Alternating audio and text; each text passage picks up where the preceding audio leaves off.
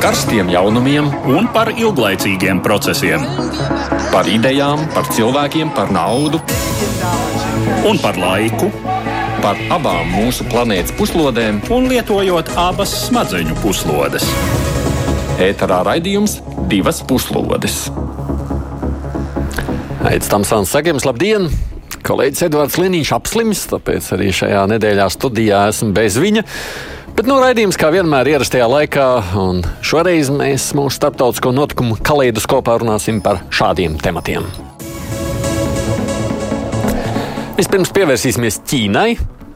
Par iepriekš runājot par šo valsti, esam teikuši, ka Ķīnā cilvēki pakļaujas varai un neprotestē tā, kāds ir redzams rietumos, bet nu, pēdējās dienās redzētais tā vienkāršot to tēzi neļauj. Ķīnas pilsētās bija protesti pret covid stingriem ierobežojumiem un pievērsuši visas pasaules mediju uzmanību.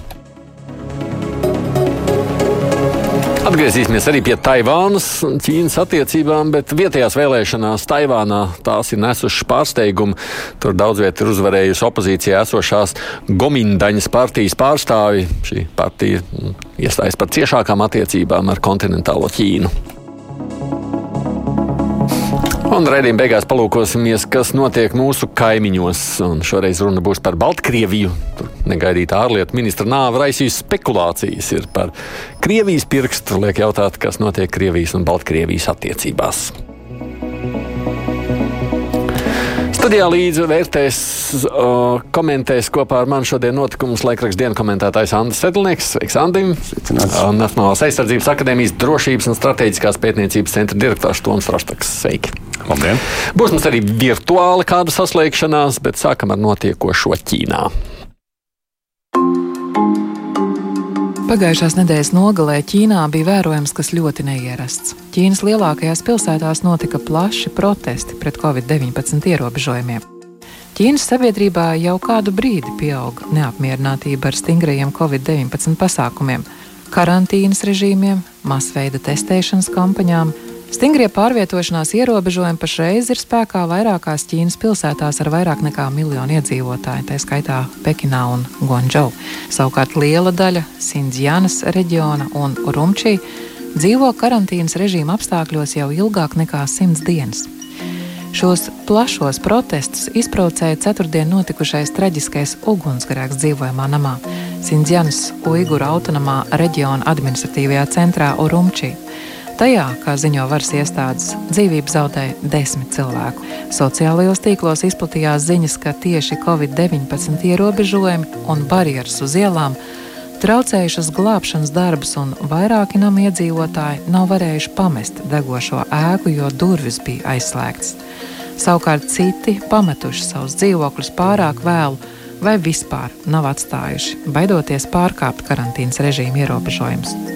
Varas iestādes šīs apsūdzības noliedz un vaino notikušajā upurus, kas paši nesot ievērojuši vai pārpratuši drošības pasākumus. Iesākumā protestējošie pieprasīja atcelt visus Covid-19 ierobežojumus, bet drīz vien lozungu un saukļu saturs krasi mainījās uz aicinājumiem Sīdziņpinam atkāpties un ieviest demokrātiskas reformas, kā arī likvidēt komunistisko partiju. Internetā publiskotie video liecina, ka protestos visaktīvāk iesaistījušies studenti no desmitiem Ķīnas augstskolu. Jaunieši rokās turēja baltas lapas, kas simbolizē iebildes pret cenzūru. Daudzi ārvalstu analītiķi pasaules medijos uzsver, ka šādus cilvēku pūļus redzēt un dažādos saukļus dzirdēt Ķīnā ir neparasti, jo tieši valdības un prezidenta kritika var novest pie ļoti bargiem sodiem. Protestos nedēļas nogalē ir vairāki aizturētie, bet precīzi to skaits nav zināms.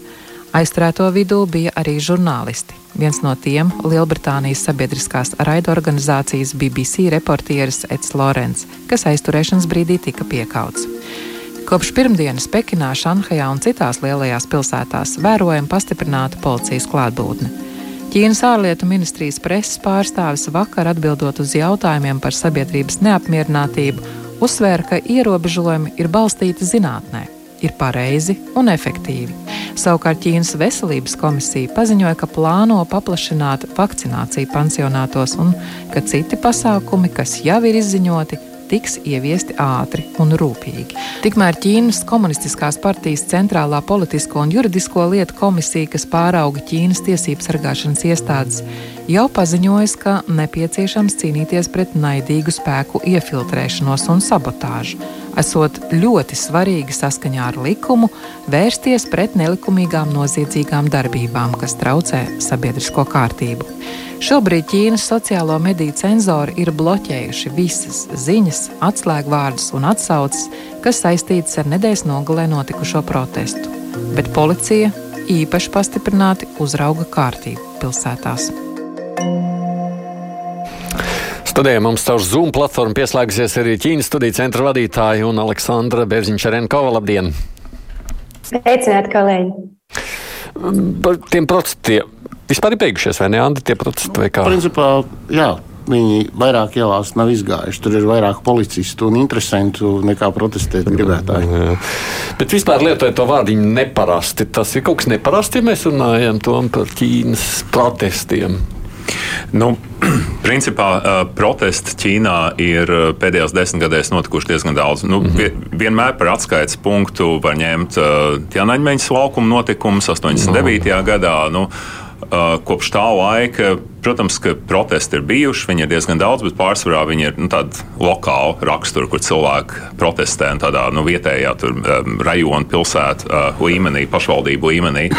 Uh, šis uh, bija diezgan uh, neparasti, uh, tādēļ, ka varas iestādes arī faktiski pieļāva šos protestus, jo nu, varēja arī nedaudz asāk uh, pret protestētājiem vērsties. Uh, bet uh, nu, no otras puses, šie protesti arī parāda to, nu, ka sabiedrībā tā neapmierinātība ar Covid um, ierobežojumiem ir diezgan liela. Un, nu, šī gada laikā, teiksim, Šanhajā bija milzīgi ierobežojumi, kas skārta nu, vairākus desmit miljonu cilvēku. Um, tad šādu ierobežojumu ietvaros ir notikuši arī nu, diezgan daudz negadījumu. Tur, kā nu viņi eh, vienā vai otrā gadījumā ir, eh, nu, kā pret cilvēkiem ir, eh, ir izturējušies. Uh, un, un tad nu, pēdējais uh, notikums ir uh, tas ugunsgrēks Rumčī mhm. pilsētā, kur nu, protestu ietvaros jā, teiksim, ir notikusi šī, šī te, nu, bojā gājušo cilvēku pieminēšana. Bet nu, nav jau arī īpaši pamat domāt, ka tie protesti nu, kā, um, augs apjomā un ka mums mm. draud kaut, kāds, kaut kāda 89. gada notikuma atkārtošanās. Un, sakiet, cik liela jēga pievērst šiem protestiem uzmanību? Jo nu, galu galā, kaut kā skatoties par kaut kādiem covid protestiem pasaulē, tā jau vispār nav nekāda īpatnēja lieta. Tur Berlīnē un Vīnē taču bijuši krietni daudz skaitlīgāki un varenāki. Cik šim ir liela jēga vai nozīme? Ja, jā, es veicinu tieši no Berlīnas. Esmu Merkatora Ķīnas eh, institūtā, Ķīnas studiju institūtā eh, Vācijā. Šobrīd eh, teikšu tā, šiem protestiem ir īpaša loma jau kaut arī tie būs beigušies, un droši vien mēs neredzēsim tādus, varbūt kaut kur kāds, kāds vilnīs vēl parādīsies, tāpēc, ka um, tie parādīja pasaulē, ka Ķīnā ir cilvēki, kuri ir neapmierināti ar valdību, un varbūt mēs esam pārāk lielu uzsvaru likuši uz saukli Xi Jinping ej prom, CDP šātai un kompartija ej prom, e, kuri Šanhajā izskanēja, bet tomēr tie izskanēja. Un cilvēki, kuri turēja rokās baltas lapas, jā, atsaucoties arī uz, uz, uz dažām no šīm lapām, bija rakstīts, e, nevajag.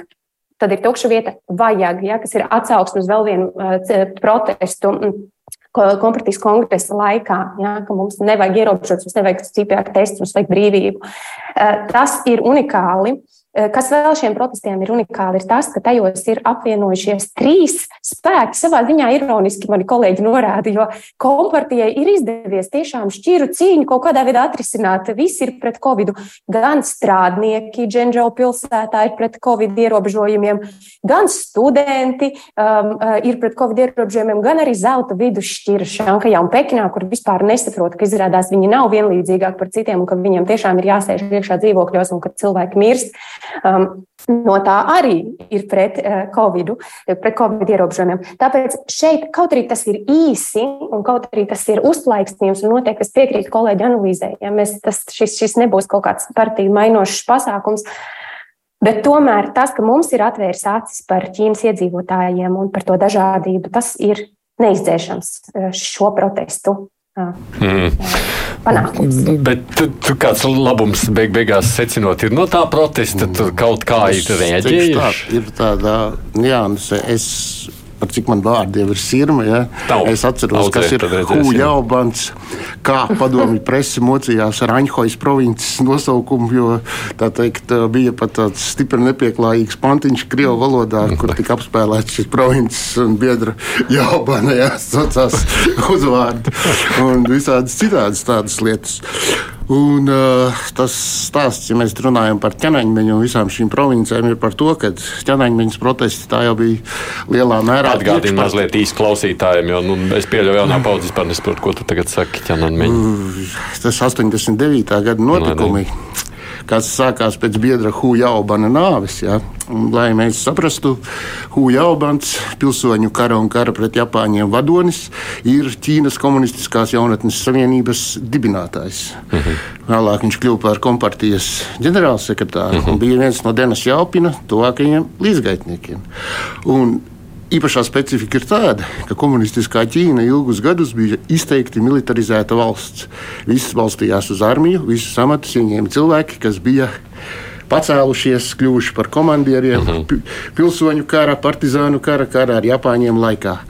Un visi tie, kas bija stipri neapmierināti ar to, kaut kā pavisam nejauši sapulcējās komunistiskās jaunatnes savienības rindās biedra Jālbana paspārnē. Un eh, tā saukto komjauniešu, tā teikt, tas ir Hūdziņa tālu, arī dzimtā province. Ja? -huh. Tā teikt, šajā provincē ar šo jocīgo nosaukumu, kas latviskojās kā Aņhojas province, ja? 86. gadā sākās studentu nemieri, kas pēc tam pārsviedās uz visām universitātēm, jo kur vēl bāzēties komunistiskās jaunatnes savienībai, ja ne universitātēs. Ne? -huh. Tā teikt, un, uh, tas noveda pie tā, ka biedru Andris Jaubans zaudēja visus amatus. Un, kad viņš 89. gada sākumā nomira, tad arī sākās teikt, visi šie protesti, pret kuriem partijā bija stipri neviennozīmīga attieksme, bet beigās virsroku ņēma armijas viedoklis ka šiem protestiem ir jāliek punkts. Tas ir tā, ir tā. Nu, viņi apšāva tos demonstrantus. Nu, Precīzāk sakot, pārbrauc viņiem pāri ar tankiem. tankiem. Armija Ķīnā bija, ir un būs pilnīgi autonoms spēks, no kuras ir atkarīgs ļoti daudz. Un, lai būtu tāds pilnīgs priekšstats, Ķīnā ir tā sauktie septiņi ģenerāļi, nu, nozīmīgākie armijas Jā. vadītāji. Trīs no viņiem nāk no tās pašas provinces, no kuras nāk Šīdziņpiņš, un ceturtais teikt, ir Šīdziņpiņa tēva ļoti tuva drauga dēls. Hmm. Vai mēs varam sacīt, un, ka vienkārši tur jau kopš, kopš šiem traģiskiem notikumiem 80. gada beigās ir tādas ģenētiskas bailes vispār mēģināt protestēt? Tā nevar teikt. Uh, jā, bet es gribu mazliet nozagt šo tēmu par bērniem, par hujaubana bērniem. Šodien taču mums ir ziņa par to, ka Mīris ir Dzēns Cemīns, 96 gadu vecumā Ķīnas kompartijas vadītājs, bijušais 2000. gadu sākumā un atvainojiet 90. gadu figūra un līdz 2000 gadu sākumam, kurš arī galu galā ir slavens ar to, ka pateicoties viņa trīs pārstāvniecību loģikai, kompartijā atļāva uzņemt miljonārus un rūpniekus rūpniekus un, un, un bagāts cilvēks. Tā kā uh, redzēsim, ka, par ko izvērtīsies vēl Diana Zemiņa bērns, vai, ne, vai, tas, vai tas būs kaut kas jauns. Bet uh, atgriežoties pie, pie jautājuma, uh, ģenētiski, protams, ir bail. Jā, nu, ir, ir, bail no, ir bail no valdības, ir bail no represijām, bet ir man kolēģi, kur apgalvo, ka ja ķīniešu publika vecumā līdz 30 um, ir tā saucamā pēc 90. gada paudze, eh, ja viņi ir eh, ārpolitikā nacionālisti, tad iekšpolitikā viņi ir liberāļi.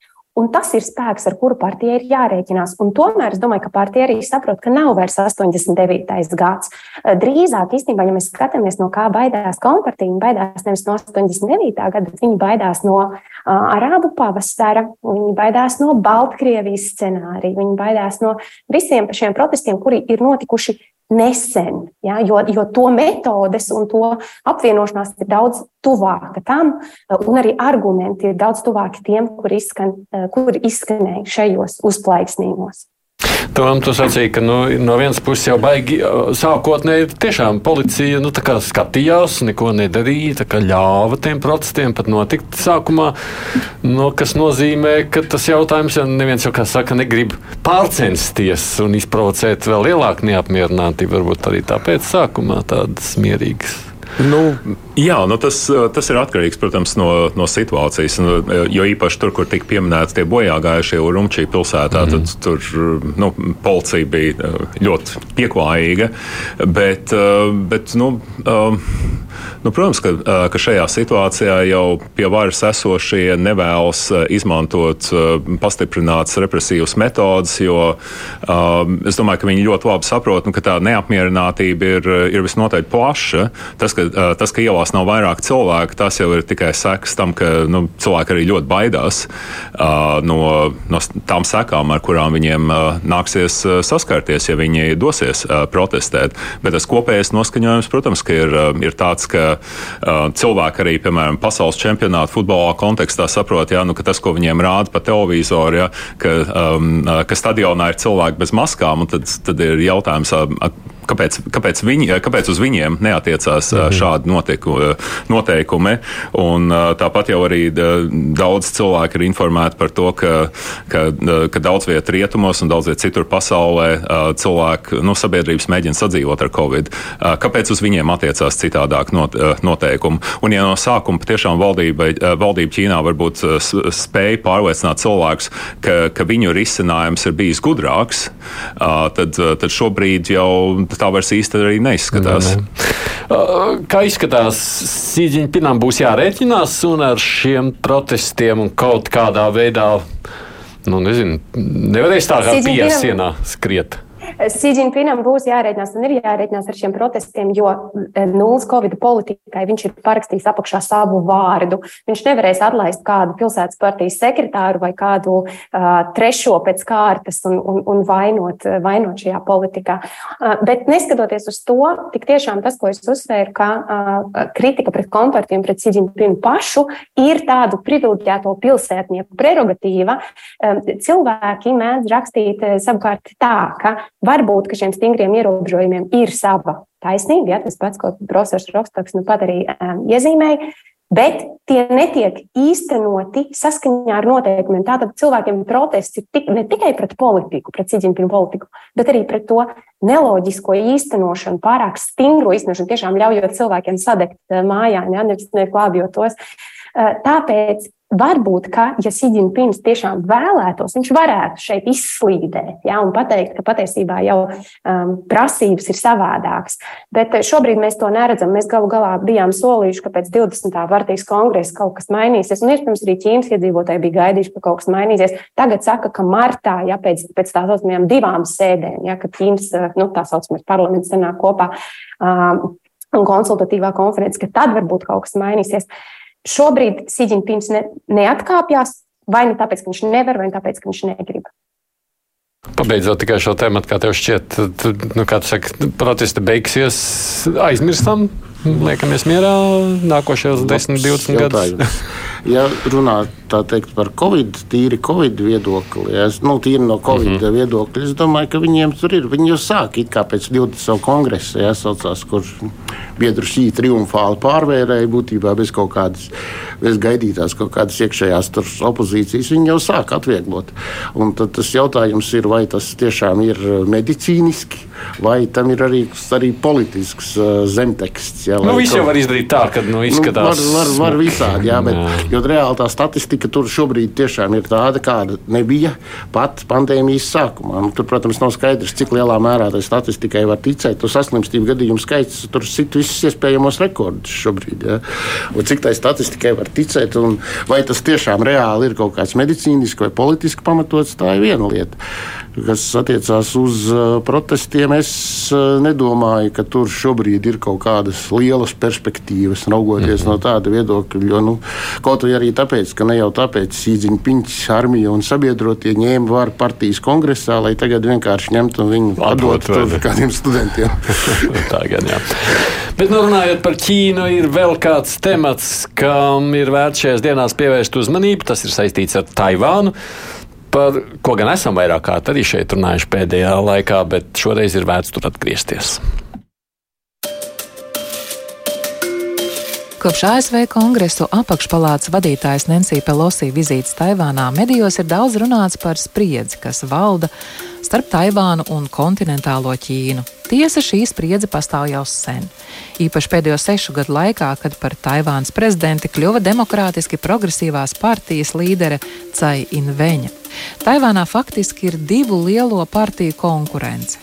Gomindaņa partija, kuru dēvē par konservatīvu uzņēmēju atbalstītu partiju, iestājas par ciešākām attiecībām ar Ķīnu, atšķirībā no valdošās demokrātiski progresīvās partijas. Tiesa daudzu gadu garumā Taivānā politisko toni ir noteikusi tieši Gomindaņa partija, palēnām veidojot ekonomiskus un politiski līdzās pastāvēšanas tiltus ar Ķīnas Tautas Republiku un demokrātiski progresīvās partijas pārsteidzošie panākumi 2016. gada vēlēšanās Ķīnai bija ļoti nepatīkams pārsteigums. Cai Inveņa ir bijusi populāra prezidente, tādēļ valdošā partija cerēja, ka arī nedēļas nogalē notikušajās pašvaldību vēlēšanās viņas atbalstītie kandidāti baudīs vēlētāju uzticību. Taču rezultāti izrādījušies citādi nekā gaidīts. Daudzās pašvaldībās, tajā skaitā galvaspilsētā Taipejā, uzvarējuši Gomiņdaņas partijas virzītie pārstāvi. Reaģējot uz notikušo, Caina Vēņa jau paziņoja, ka atkāpjas no partijas vadītājas amata. Kaut arī vietvaras nenosaka starptautisko attiecību dienas kārtību, vēlēšana rezultāti liek jautāt, kāpēc gan vēlētāji šajā spriedzes pilnajā laikā ir gribējuši pārmaiņas un vai līdzīgs noskaņojums varētu būt arī pēc pāris gadiem, kad Taivānā būs prezidenta vēlēšanas. Cik svarīgi šie ietvaru vēlēšanu rezultāti Taivānā un Protams, tas ir termometrs, bet neaizmirsīsim, ka tas pats notika arī 18. gadā. Arī toreiz Cēņa viņa atkāpās no partijas vadības amata, bet divus gadus vēlāk viņa pārvēlēja par prezidentu 20. gadā, kad viņa faktiski tādu milzīgu uzrāvienu bija priekšgalā, tad, tad viņa atgriezās. Protams, no vienas puses tad, tas, tas, tas ir pamats uztraukumam. Galu galā nokrīt, notiek Krievijas karš Ukrainā.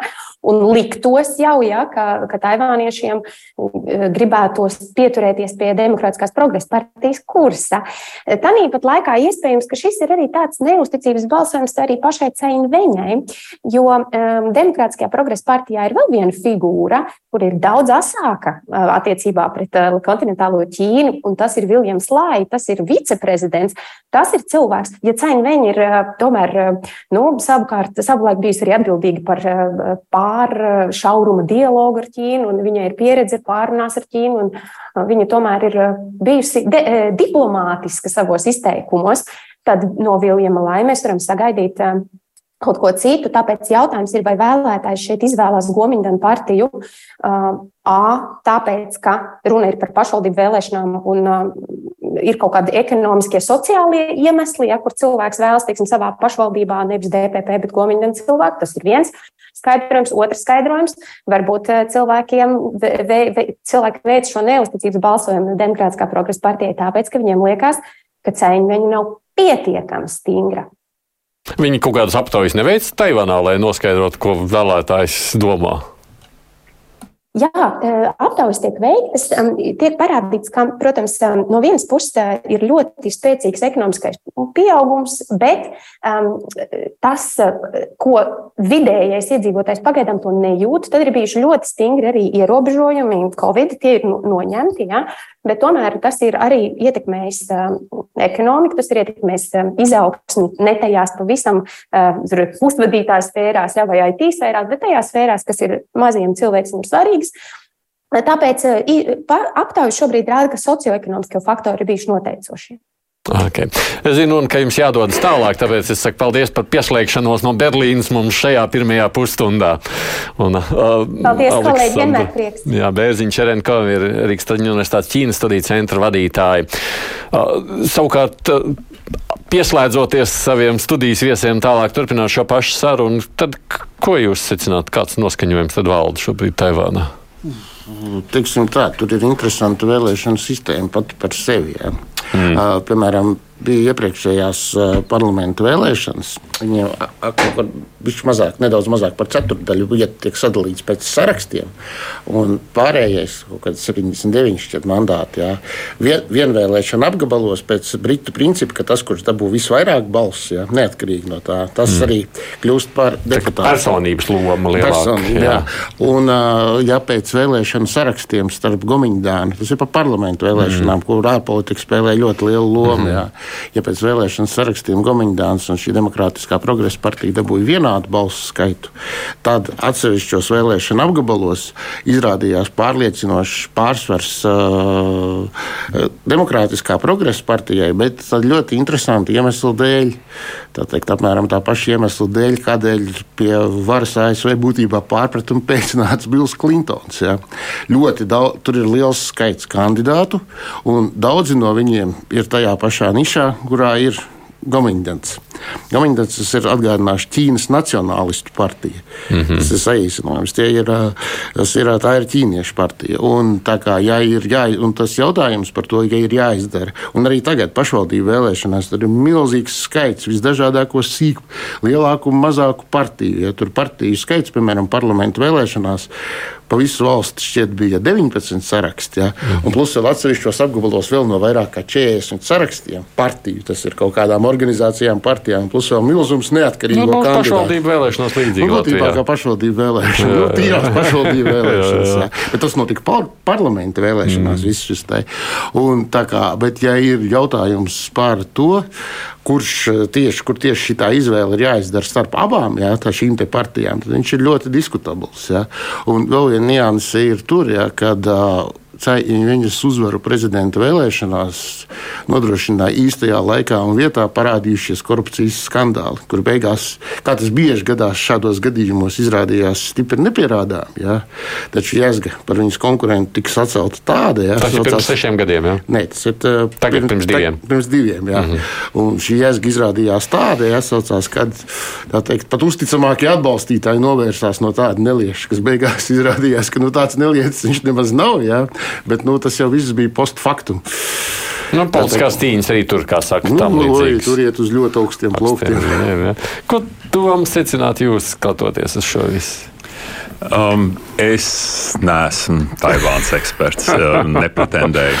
Jā, bet, bet, uh, bet nu, cik es uh, esmu arī sekojis līdzi un arī paklausoties kolēģis, um, tad, uh, nu, manuprāt, šeit ir tas starpvēlēšana fenomens, ka, ka ļoti bieži uh, lielajās vēlēšanās uh, uzvar vieni, mm -hmm. un pēc tam tajās starpvēlēšanās uh, uzvar citi. Jo, nu, uh, teiksim, pēc, uh, pēc parlamentu vēlēšanām, vai pēc prezidenta vēlēšanām vienas partijas popularitāte reizēm arī diezgan strauji nokrītās, uh, un tad uh, tas, tas nāk par labu citiem politiskiem spēkiem. Tad šeit, uh, šis ir tāds nu, klasisks gadījums, manuprāt. Nu, viens, protams, protams tas jau vispār ir saimniecisks dabas jautājums.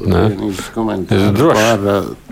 Taipējas īpašās municipalitātes. Viņiem ir sešas īpašās municipalitātes. Tās ir lielās pilsētas ar aglomerācijām. Jā. Mēru tika ievēlēts cilvēks, kuru pie mums devēja par eh, Čanu Anaņu. Viņš ir Čanakai šī mazmazdēls. Ja.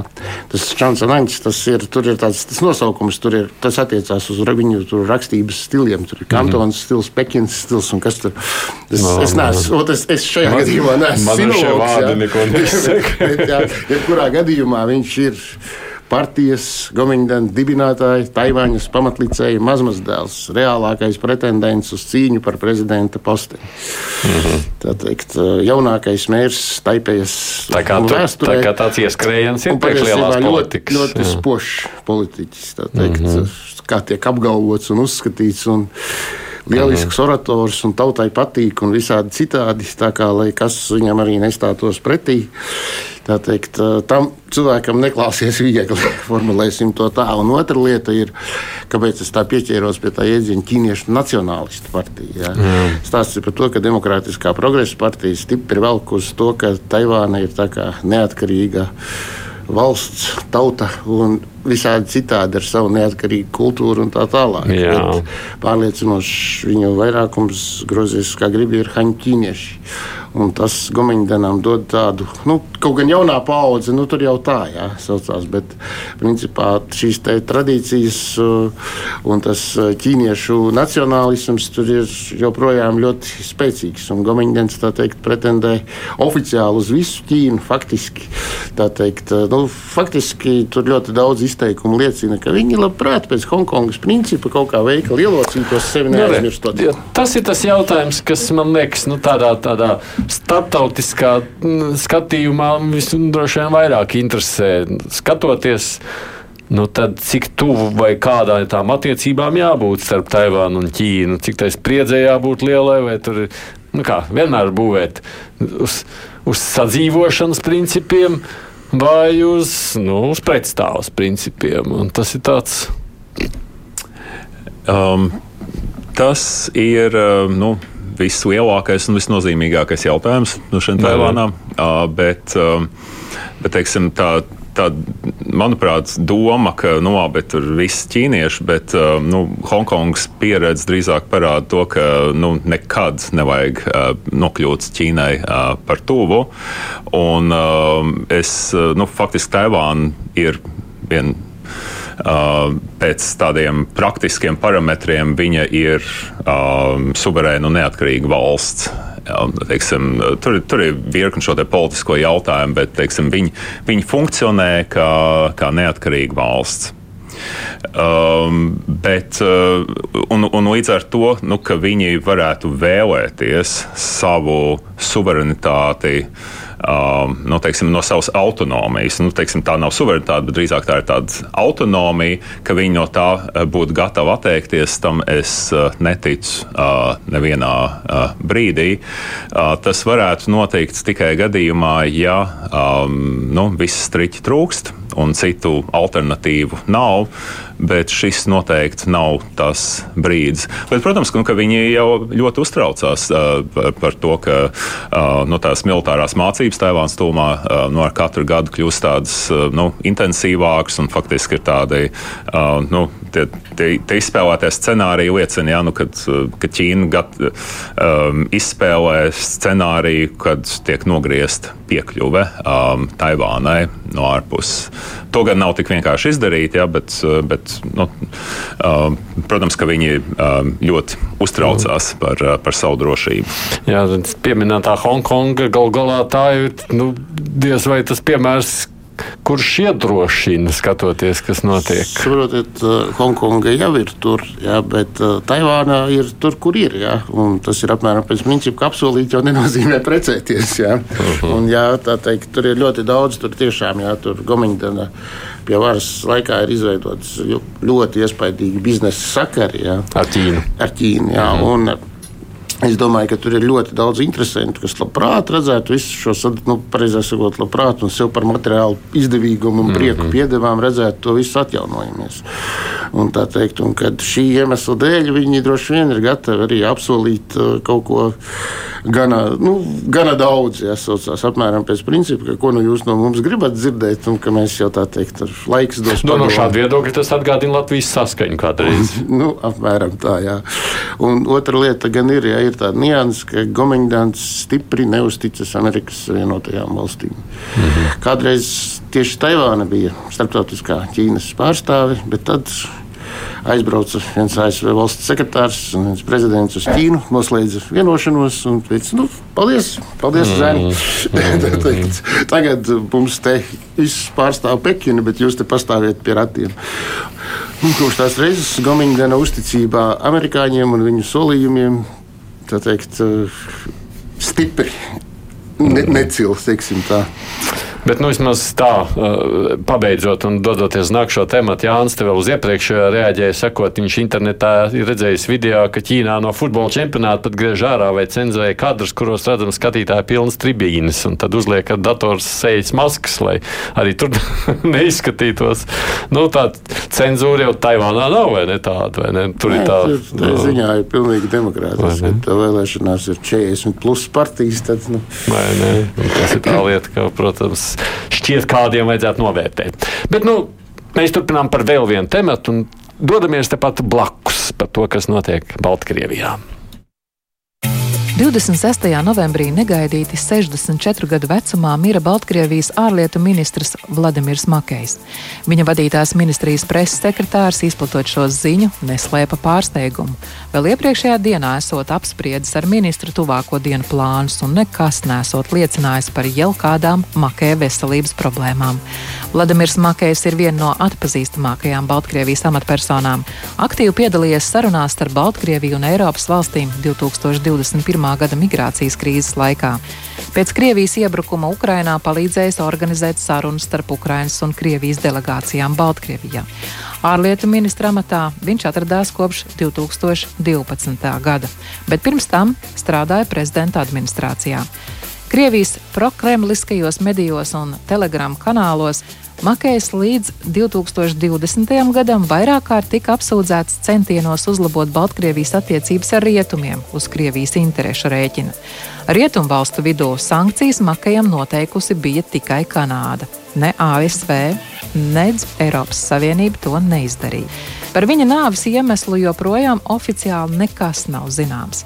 Lai arī Baltkrievu portāls Naša Ņiva, atsaucoties uz saviem avotiem, raksta, ka Makējs mirs no infarkta, Tomēr viņa pēkšņā aiziešana taisaulē radījusi daudz sazvērstības teoriju. Starp tiem vispopulārākā šobrīd ir Kremļa rokas klātbūtne notikušajā. To īpaši uzsver politiskie analītiķi. Te uzskata, ka starp tiem, kas varētu gūt labumu no Aleksandram Lukašenko pietuvināta ministra nāves, var būt gan Baltkrievijas drošības amatpersonas, gan viņu Krievijas kolēģi, gan arī rietumi, kaut vai lai radītu diskomfortu un nedrošības sajūtu Baltkrievijas vadībā. Tā vai citādi, bet ārlietu ministra nāve ir atstājusi ietekmi uz Baltkrievijas pašpasludināto prezidentu Lukašenko. Publiskajā telpā tiek vēstīts, ka pēc savu ministra pēkšņās aiziešanas viņš ir devis rīkojumu par pavāra, apsardzes un personāla nomaiņu.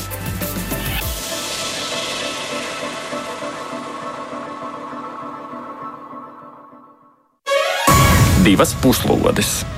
Sargādījums studijā ar mani kopā šeit arī laikraksta dienas komentētājs Andris Sedlnieks un Nacionālās aizsardzības akadēmijas drošības un strateģiskās pētniecības centra direktors Toms Rostoks. Kā tur izskatās, dabīga vai nedabīga ārlietu ministra nāve? no. Nu, Kurš ir salasījies vajadzīgās ziņas? Pusim godīgi, es teikšu tā, es tā īpaši šādām te teorijām neticu. Netic, savā skaitā jā. arī savas personiskās dzīves pieredzes dēļ, jā, jo Es, nu, tā, savas dzīves laikā esmu zaudējis divus ļoti labi pazīstamus cilvēkus, kas tāpat ir pēkšņā nāvē. Un tie bija cilvēki, kas bija krietni jaunāki par aizsaulē aizgājušo ministru. Un, teikt, par kuriem nevienam prātā neienāktu, ka nākošajā dienā viņu var nebūt. Es, nu, es... Bet nu, no otras puses, Krievijas pēcdienisti bija parūpējušies par nevienu nāvi. Ne? Nu, tā teikt. Bet kāpēc tieši es, kāpēc tieši proti, šis? Jā, kāpēc, kāpēc Makais. tieši šis? Jā, viņš jau pēc, viņš jau, kad bija 20. gads, viņš tā teikt nostājās Lukašenko pusē, atšķirībā no dažiem citiem ļaudīm, kas joprojām atrodas rietumos. Ja.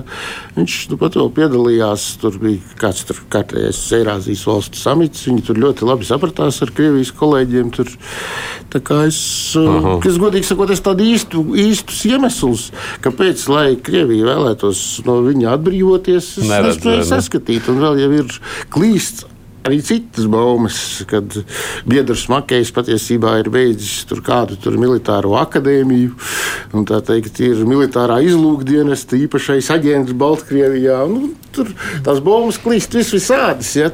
Es domāju, ka. Nu, Tā teikt, nu, lai katrs domā, ko grib. Ko grib. Es nekomentēšu. Bet, nu, lai katrs domā, ko grib, Lukašenko izskatās, ka viņš domā, raizējās. Viņam ir aizdomas kaut kādas vai bailes. Nu, es domāju, ka Lukašenko noteikti būtu jāuztraucās daudz vairāk nekā viņa bijušajam ārlietu ministram. Bet es arī uh, pievienojos uh, tam, tam viedoklim, ka uh, nu, tajā brīdī, kad mums ir dažādi izskaidrojumi, un tad ir tas vienkāršais izskaidrojums, ka nu, viņš ir nomiris dabīgā nāvē. Tas nu, tā notiek. Mm, uh, diemžēl. Uh, un, uh, un tad ir kāds krietni sarežģītāks izskaidrojums, kam pat tādu īsti loģisku pamatojumu nevar, uh, nevar atrast. Nu, tur var kaut ko aiz matiem pievilkt klāt, bet, bet mums ir jāpieņem tomēr tas vienkāršais izskaidrojums vismaz līdz brīdim, kamēr klajā nāk kādi citi fakti, kuri liecina par, par pretējo. Bet Lukašenko man liekas, šeit parādās ziņas, ka viņš kaut kādu savu komandu regulāri pamaina. Viņam viņš tāds paranoids ir.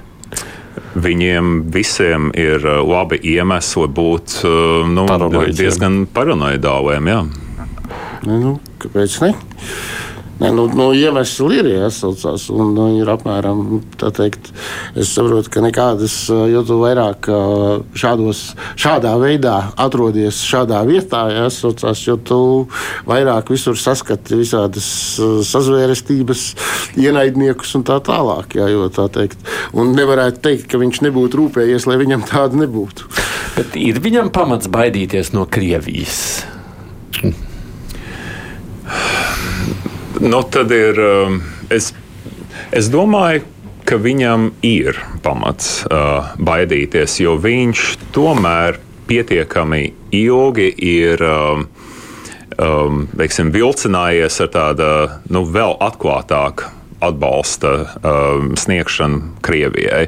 Jo, nu, protams, 2022. Uh, gada februārī, kad sākās iebrukums, bija kritiski svarīgi Krievijai, ka tas uzbrukums Ki Kijavas virzienā nu, viņu nevarēja citādāk vispār norganizēt. Tam bija jānāk no Baltkrievijas. Bet uh, kopš tā laika uh, tomēr Lukašenko ir mēģinājis uh, uh, kaut kādu autonomiju saglabāt un uh, visu, ko Krievija no viņa grib gribēja, viņš visticamāk nav darījis. Līdz ar to viņam būtu pamats uztraukties. Bet tad, nu, ja viņu, piemēram, noindē, nu, tad kas tālāk? Jā, tad, nu, nu, kāds, kāds tad būtu tas Krievijas plāns, kā viņi varētu ielikt Baltkrievijā vai norganizēt Baltkrievijā politisko līderu, kas būtu viņiem krietni draudzīgāks? Uh, nu, tas, tas arī varētu būt pārmērīgi sarežģīti. Tas var būt viņa drošības garants, kad kā tas tālāk. Jā, nu, Teorētiski tas atkal ir tas gadījums. Teorētiski vienmēr var izdomāt, kāpēc. Ja, Lukašenko ļoti bieži ir pats savā prātā, kā saka, ja, nu, tur, teikt, ar saviem izteikumiem un sav, sav, saviem manevriem, ja, kur tur man liekas, ir ļoti grūti uzminēt, ko viņš darīs. Ja. Bet, nu, principā tas kopējais kurs jau tā kā nu, raugoties no, ja, ja raugās no Maskavas skatu punkta, tas kopējais kurs jau ir vairāk vai mazāk teikt, atbilstīgs tam, ko no tur. Mm -hmm viņa gaida. Un otrs jautājums tiešām ir, ko tu tur liksi vietā. Nu, jā, tur ir Krievijai, nu, būtībā var pat teikt, ka tie ir lielāk, vairāk Krievijas nekā Baltkrievijas drošībnieki un armīnieki. Jā. Bet uh, cits jautājums ir, nu, kā teikt, uh, uz durkļiem jau nesēdēs. Jā. Klausītājs Leons raksta, izskatās, ka Kremlis meklē kādu ārējo grēkāzu un Kijavas vietā varētu ieņemt Mīnsku, pasludinot to par Baltkrievijas autonomo republiku.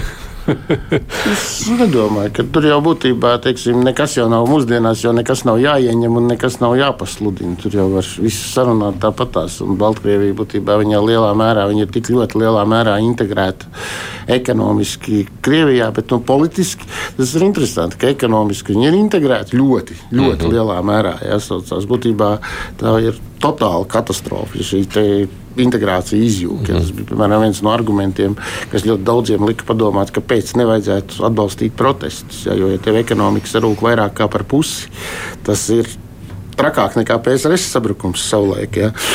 Tā teikt, ja, bet, tā redz, dzīvo labi. Nu, iztikt var, jā. Tā teikt, un, tā teikt, un kaut kā tā. Jā. Jā. Bet tālāk skatoties uz šo, to pieminējāt par to, ka redzīs, 24. februāris nebūtu bijis īsti iespējams bez Baltkrievijas atbalsta, lai šīs karavīri iet iekšā.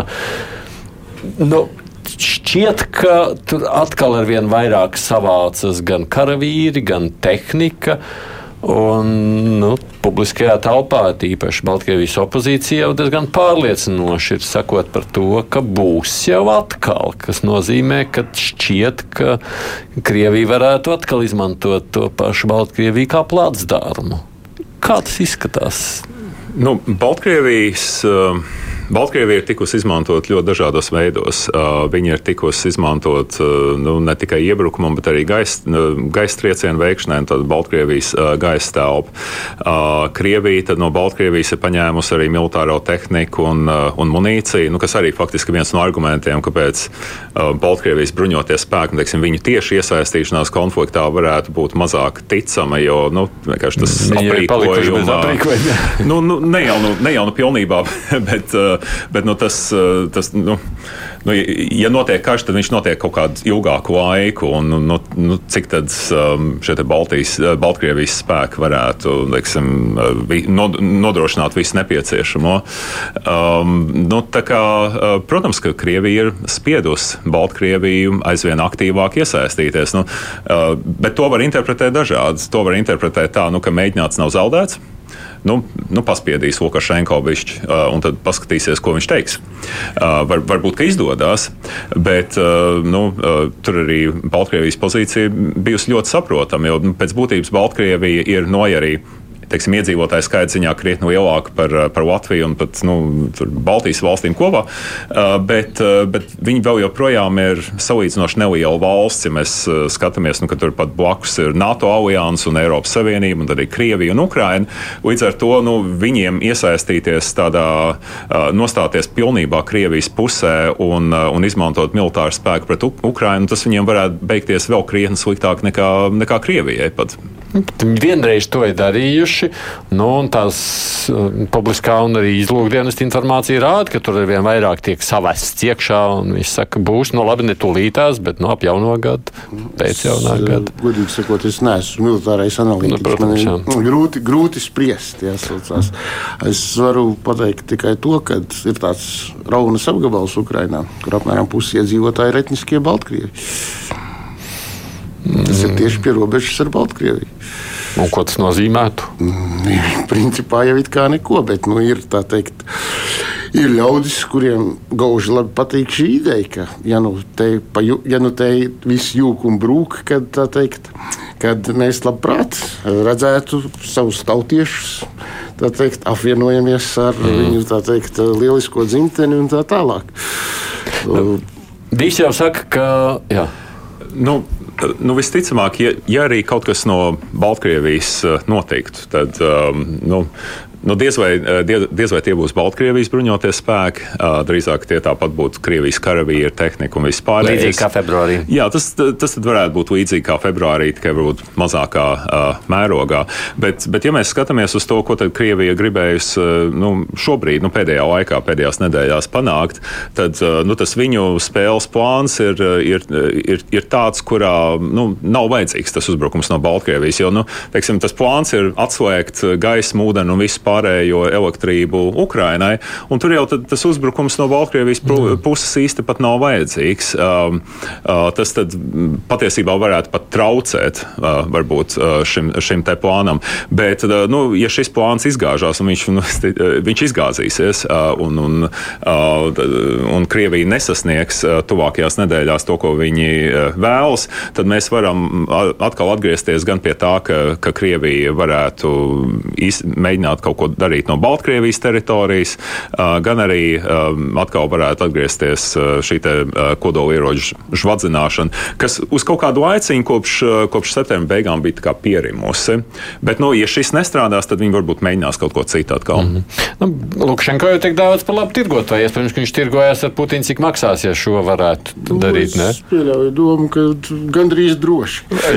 teikt, es par to es tā īpaši nešaubos. Viņi teikt ar biedru ar Erdoganu, teikt, nu, nu, Lukašenko iespējas šobrīd gan ir krietni ierobežotākas, bet viņi uz tirgošanos viņi ir izcili meistari. Man ir 5 minūtes, un es gribētu tajā raidījuma beigās paskatīties, Kas vispār sagaida Baltkrieviju tālāk? Jo nu, tā situācija nu, ir šobrīd diezgan daudz tiek diskutēts. Labi, kā Ukrainai ies uz priekšu, nu, tad daudz saka, ko Krievija, bet un Baltkrievija, un kas vispār tālāk var notikt?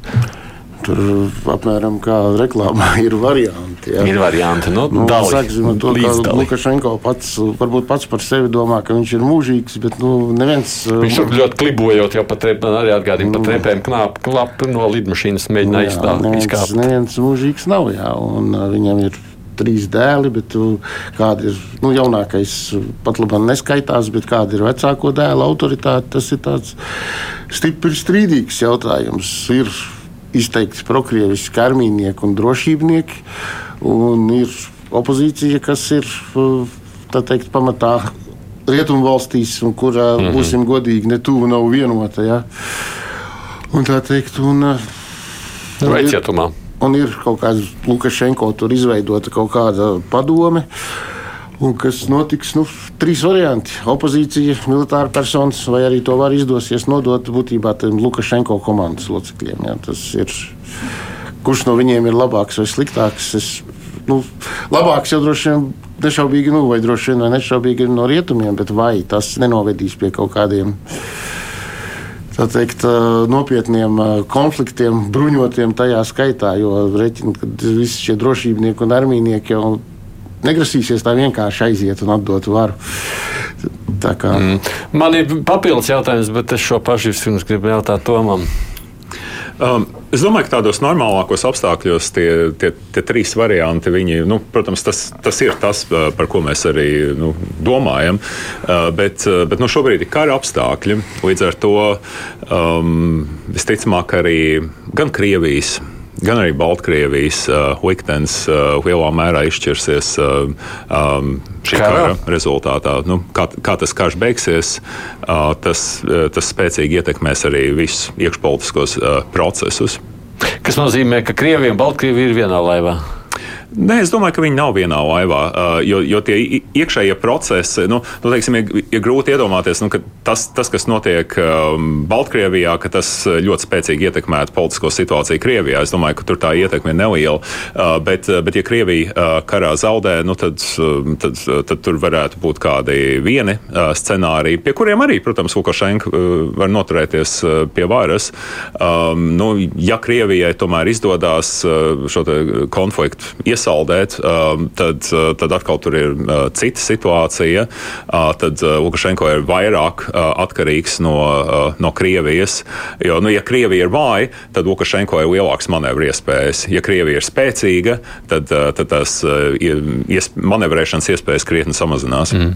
Es to laivu jautāju, tāpēc, ka nu, pats pieminēja, runājot par šo ekonomisko atkarību. Nu, būtībā jau vai tā Baltkrievija vairs var izdzīvot bez Krievijas? nu, es ā, teiksim tā, ja puse, vairāk par pusi jūsu ārējās tirdzniecības veido tirdzniecību ar Krieviju, tad teikt, ja tur praktiski gandrīz visas tavas rūpnīcas strādā priekš Krievijas, un tavs kartupeļus un piena ved uz Krieviju, tad, nu, kur to, ko ar to visu iesākt un kur to visu likt bez Krievijas, neviens nezina. Būsim godīgi. Un izdzīvot, ā, nu, nu, tas ir pilnīgs sabrukums, un viss ir jāsāk būtībā no jauna. Nu, tā ir realitāte, kas vienkārši viņiem tāda ir, un, un viss. Un, ā, un šī iemesla dēļ es domāju, ka uz Krieviju nu, ja neskaitā teiksim, galīgi radikāli noskaņot opozīciju, jebkurš cits spēks, viņš tīri nu, pragmatiski apsvērumu dēļ turpinās orientēties uz Krieviju. Nu, tādā vai citādā formā, vai kā, jā, bet nu, citādas izējas es īsti neredzu. un tas otrs jautājums, kas notiek arī pašā Krievijā, tad nozīmē, ka Krievijā ir jābūt gribēšanai orientēties uz Baltkrieviju. Nu, principā viņiem Baltkrievija, teiksim, nu, Baltkrievija salīdzinoši ar Krieviju, nu, tā nav pārāk liela mērvienība. Teiksim, tā viņiem vairāk tas ir nu, tāds placdarms, tur ir kaut kādas militārās lietas, kaut kādas radiolokācijas stacijas vai kaut kas tāds, kas tur šķiet ā, atrodas, jā, kas viņiem ir svarīgas, bet tā kā, teiksim, Baltkrievijas esamība vai neesamība Krievijas ekonomiskajā orbītā, es nedomāju, ka tas Krievijā kaut ko būtiski ietekmē. Ne, vienkārši tādā ziņā Baltkrievijā bez Krievijas nevar, tad visas cerības, ka Krievijai būs gatava joprojām turpināt Viņiem atbalstīt. principā nekādu pretenziju tā. Pagaidām jau nav, Jā. bet ar ko Nu, viss karš nu jā, un beigsies? ja, ja, teiksim, ja jautājums. Krievijā notiek kādas radikālas iekšpolitiskās pārmaiņas, kādas šobrīd gan ir grūti saskatāmas, tad kas tad notiek ar Baltkrieviju? Tas ir ļoti labs jautājums. Tas ir labs Tāds- jau. Nav atbildāms uzreiz. Nē, nu, principā, nu, teiksim, nu, jūs iedomājaties, ja Krievijā nāk pie varas kāds teiksim, ļoti liberāli noskaņots projekts, orientēts politiķis, kas gan ir tāds drīzāk no, līdzīgs. Ko tad viņš darīs ar Lukašenko? Andris Sedlnieks, laikraksta dienu komentētājs, Toms Rostoks, savukārt Nacionālajā aizsardzības akadēmijā drošības un strateģiskās pētniecības centra direktors. Paldies, ka atnācāt. Paldies. Šeit uz studiju producenti tevi junām, nu, divas pušlodes šodien līdz ar to izskan studijā bija es arī Aidis Tomsons. Tiekamies ētrā pēc nedēļas. Cerams, komanda atgriezīsies ar Edvards Liniņš. Lūkosim, kā notikumi virzās.